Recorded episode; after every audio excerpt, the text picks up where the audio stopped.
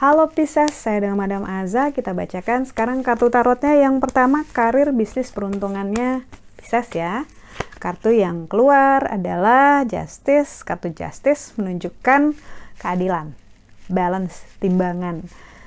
Ketika kartu Justice keluar, maka kita diminta untuk mempertimbangkan ulang keputusan-keputusan kita, perilaku kita, pemikiran kita gitu yang kemarin-kemarin ini karena siapa tahu timbangannya masih berat sebelah, masih ada yang belum pas nih gitu, ataupun dalam tindakanmu atau dalam keputusanmu bikin presentasi misalnya, ada yang kurang detail, ada yang belum dimasukin, ada yang belum perfect sesuai dengan kamu selama ini, sesuai dengan kinerjamu selama ini. Kartu Justice menunjukkan keadilan, hal-hal detail, hal-hal yang balance gitu, hal-hal yang bisa kamu raih, namun tidak bisa terburu-buru, tidak bisa asal jadi gitu.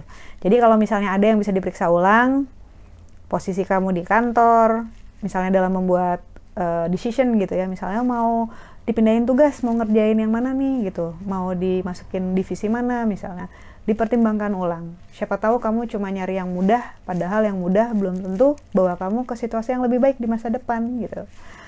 Lalu untuk percintaannya, percintaannya Pisces, Kartu yang diberikan adalah The Emperor, energi raja. Ini bukan tentang kamu menjadi orang yang keras kepala dan juga terlalu dominan dalam hal relasi ya. Karena kalau menurutku, jadi diri sendiri dalam hubungan itu adalah hal yang bagus kok. Beda jadi dengan jadi orang egois atau orang yang nggak fleksibel, itu beda. Tapi dalam hal values gitu, sangat bagus kalau misalnya kamu bisa saling terbuka. Jadi kalau misalnya kamu ngerasa kamu ingin menunjukkan tanda kutip wajah aslimu ataupun energi aslimu kepada pasanganmu ataupun calon pasanganmu menurutku nggak ada yang salah gitu ibaratnya puzzle ketemu ujung puzzle lainnya gitu kalau misalnya dipaksain dan akhirnya malah jadi mengubah bentuk sementara kamu nggak nyaman dia nggak nyaman gitu buat apa?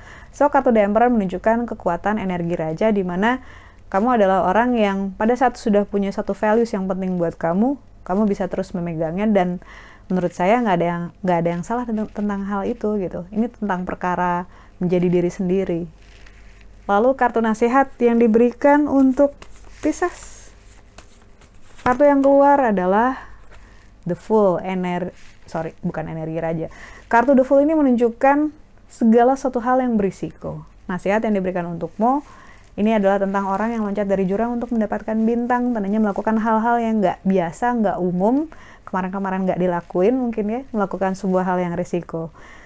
Nasihat yang diberikan adalah kalau kamu pengen dapetin hasil yang berbeda, nggak ada salahnya mencoba satu hal yang berbeda walaupun mungkin berisiko gitu, walaupun keluar dari pattern yang biasa kamu lakukan dengan melakukan eksperimen-eksperimen seperti ini, siapa tahu kamu akan menemukan jalan baru. Contoh nih, biasa ke kantor lewat jalan yang mana gitu besok-besoknya nyobain jalan yang lain, sempat nyasar, sempat ketemu jalan buntu, sempat disasarin Google Maps gitu ya.